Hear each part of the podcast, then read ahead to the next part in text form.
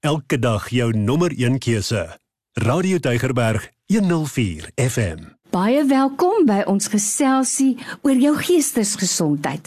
Ek nooi 'n kenner, dis Dr. François Swart. Hy's 'n pastorale en kliniese terapeut en saam pak ons kwessies van die lewe. En ons wil by 'n punt kom waar jy saam met ons kan sê ek kies lewe. So Dr. François vir jou tyd vandag. Ons waardeer dit baie welkom. Dankie Lorraine en hallo aan al die luisteraars.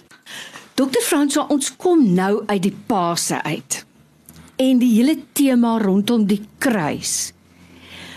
Maar weet jy, ek kom agter, daar is mense wat soos ons nou altyd in die volksmond sal sê, wat kruise het om te dra, waarvan ons baie keer glad nie weet nie. Ek dink byvoorbeeld aan 'n ouer wat hier gekom het met 'n dogter. Sy was al 'n laat tiener sê net maar 18 jaar oud, kan bietjie jonger gewees het, wat so spasties is, sy kan glad nie loop nie, maar sy kan ook nie in 'n gewone rolstoel pas nie. So haar ma dra haar. En ek het daardie dag gedink, ek wonder hoeveel mense sê, "Va, ek kan ek jou net help? Kan ek net vir 'n middag na die kind kyk?" Hoeveel mense is daar om ons wat swaar kry en waarvan ons dalk nie weet nie. Hoe hanteer 'n mens dit wanneer jy uitvind iemand het so 'n kruis om te dra? Dit is 'n uitdaging om op so 'n manier met so 'n persoon te werk. Ek dink daar's verkeerde tipe opmerkings wat 'n mens kan maak. Ek dink wanneer dit kom by kinders en by situasies waar mense gesondheidsprobleme het, hulle kinders het gesondheidsprobleme, hulle is die primêre ouers en hulle moet daai kind deur sy lewe sien is 'n kruis. Ons kan nie wegkom daarvan nie. Ek het die voorreg gehad om dikwels met sulke ouers te kan werk en hulle gaan deur 'n tydperk van aanpassing. En dit is nie vir hulle maklik om daardie pad met hulle kind of met 'n geliefde te loop nie. Mm. Maar wonder bewonder Lorraine, hulle kry 'n weg en dan word dit vir hulle 'n roeping.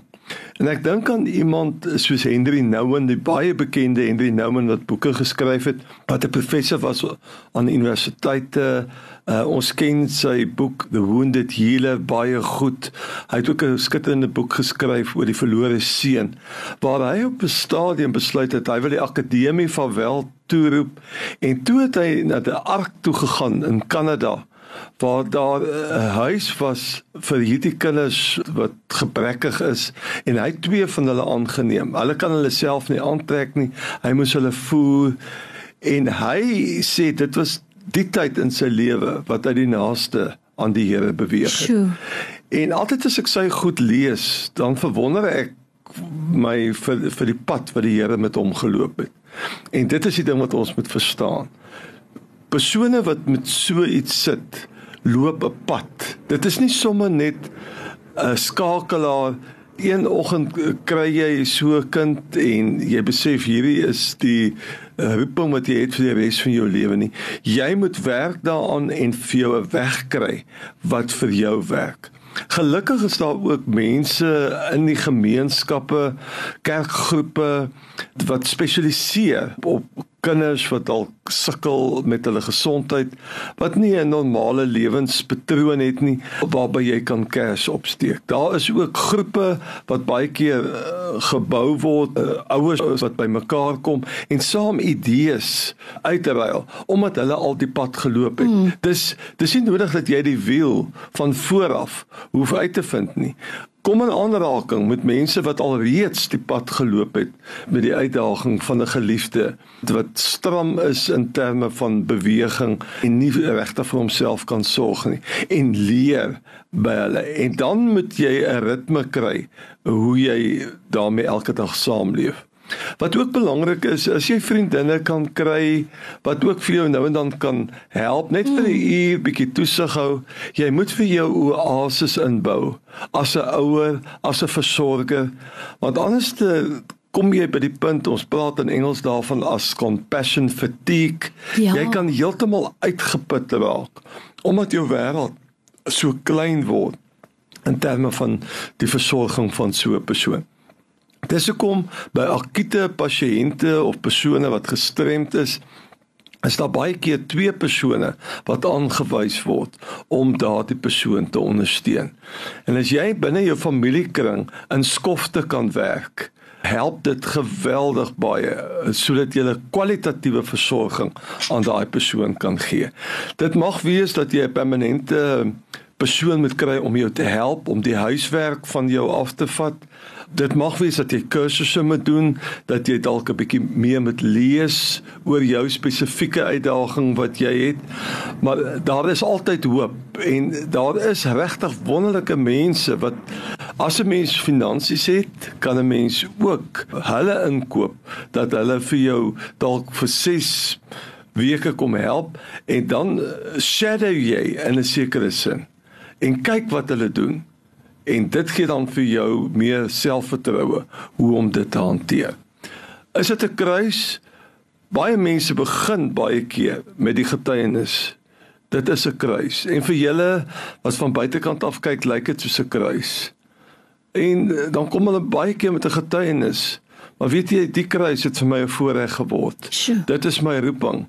En ek dink ons ons moet met verwondering kyk na sulke mense rondom ons wat getrou is om ook hierdie uh, ding vir hulle medemens of hulle kinders te doen. By my in die ateljee is Dr. Francois Swart, kliniese en pastorale terapeut.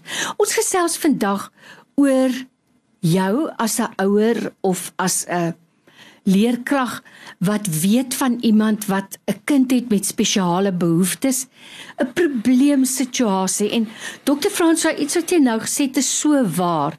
'n Mens hoef dit nie alleen aan te pak nie, want baie keer dink ek Wanneer 'n mens binne in die situasie is, is jy bang om mense te nader, maar dit is so belangrik.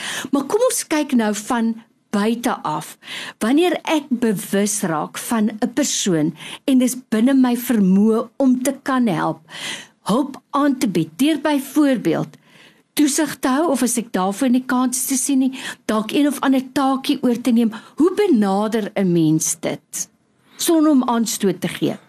Dit is goed om sommer net 'n kaartjie te skryf net nie direk te wees op die persoon nie. Maak seker dat jy in 'n goeie warm verhouding met daai persoon is. Moenie sommer net so van die kant af kom nie. Ek dink 'n mens moet net eers tee drink en die hele situasie hanteer met deernis en begrip en sommer net oor allerlei dinge praat. 'n Mens hoef nie noodwendig weg te trek die met die uitdaging mm. van van iemand wat spesiale behoeftes het nie. Maak seker dat jy in 'n goeie vriendskapsverhouding met daai persoon is.